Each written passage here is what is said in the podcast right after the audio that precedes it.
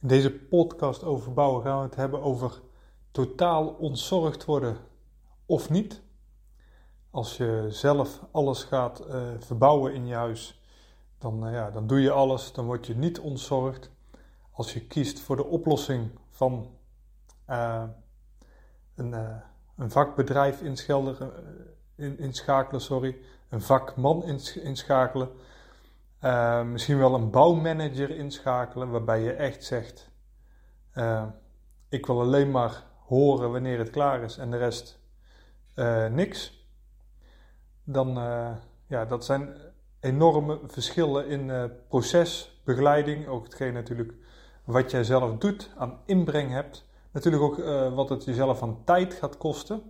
waarbij ik meteen de kanttekening wil maken dat ook het verbouwen voor heel veel mensen uh, ja, energie oplevert. Hè. Ondanks dat ze druk bezig zijn, uh, is het voor veel mensen ook gewoon fijn om fysiek uh, bezig te zijn en hun eigen huis mooier, beter, duurzamer te maken. maar het heeft natuurlijk ook heel veel effect op de kosten van dit alles. En dan ga ik niet kijken naar het verschil tussen zelf doen en alles laten doen, want dat is natuurlijk wel logisch dat zelf doen een heel stuk goedkoper is. Uh, overigens, hoeveel goedkoper? Ja, echt uh, enorm veel goedkoper. Echt uh, ja, bijna niet met elkaar te vergelijken. Vooral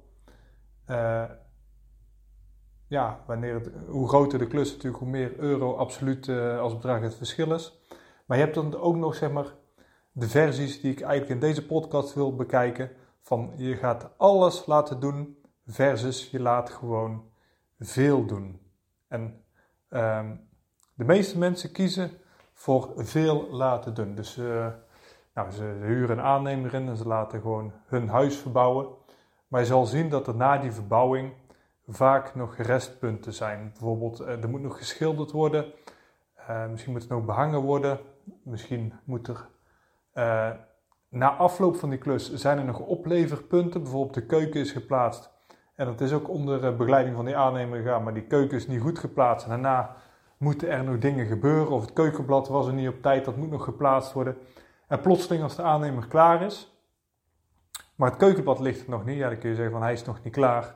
Maar je weet ook wel, als die aannemer voor de rest niks meer kan doen in huis, dan gaat hij natuurlijk niet uh, drie weken zitten wachten in huis totdat ja, die keukenleverancier belt en zegt ik kan nu het blad uh, komen brengen. Um, dus in die zin is die aannemer weg. Nou kun je natuurlijk vragen van hey, uh, kom terug als die keukenbladleverancier is om dat te begeleiden. In de praktijk uh, wordt dat wel veel gezegd, maar ik zie het weinig gebeuren. Althans, zeker niet altijd.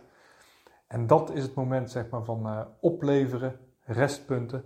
En uh, wat ik dan vaak merk is dat mensen daar geïrriteerd over raken.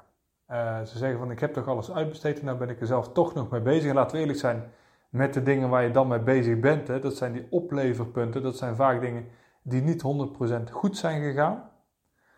Um, dus daar zit frustratie van uh, de kant uh, bij jullie als opdrachtgever, bij jou als opdrachtgever, bij wellicht die vakman die vakwerk heeft uh, gedaan of die heeft zijn tijd besteed, maar het is afgekeurd, of in ieder geval hetgeen wat hij begeleidde is niet gelukt. Dus ja, dat, dat is niet heel leuk. En ook voor zijn, in dit geval zijn keukenleverancier, ja, die heeft misschien wel een keukenblad laten breken bij jou in huis, hun risico.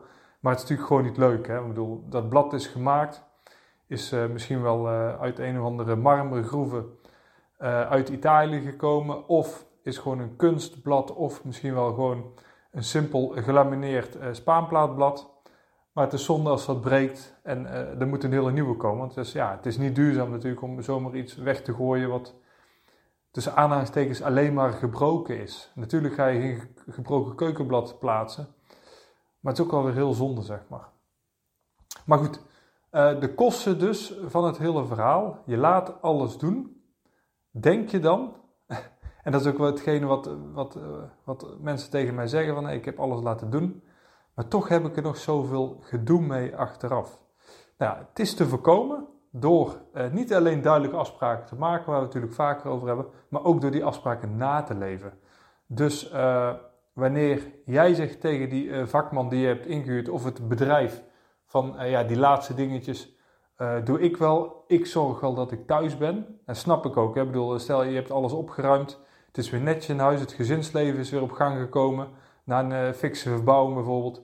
Ja, dan zit je ook niet te wachten tot er weer een dag lang allerlei werklieden over de vloer komen. Dus dan zeg je van, ja, ik, ik ontvang zelf wel even die keukenbladenplaatser. Of dat team, als ze met z'n twee komen, wat natuurlijk vaak het geval is. Uh.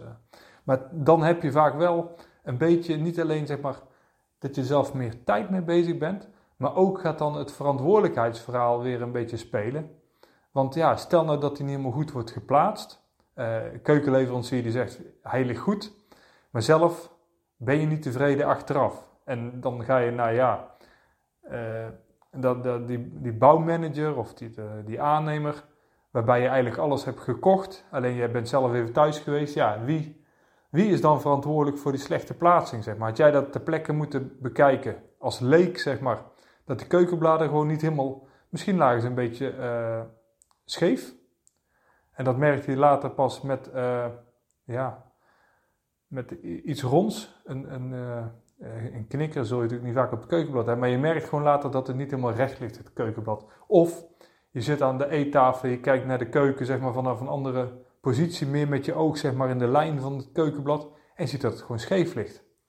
Ja, die soort zaken heb je dan allemaal mee te maken. Dus uh, mijn advies is als je een bedrijf inschakelt, laat ze echt alles doen.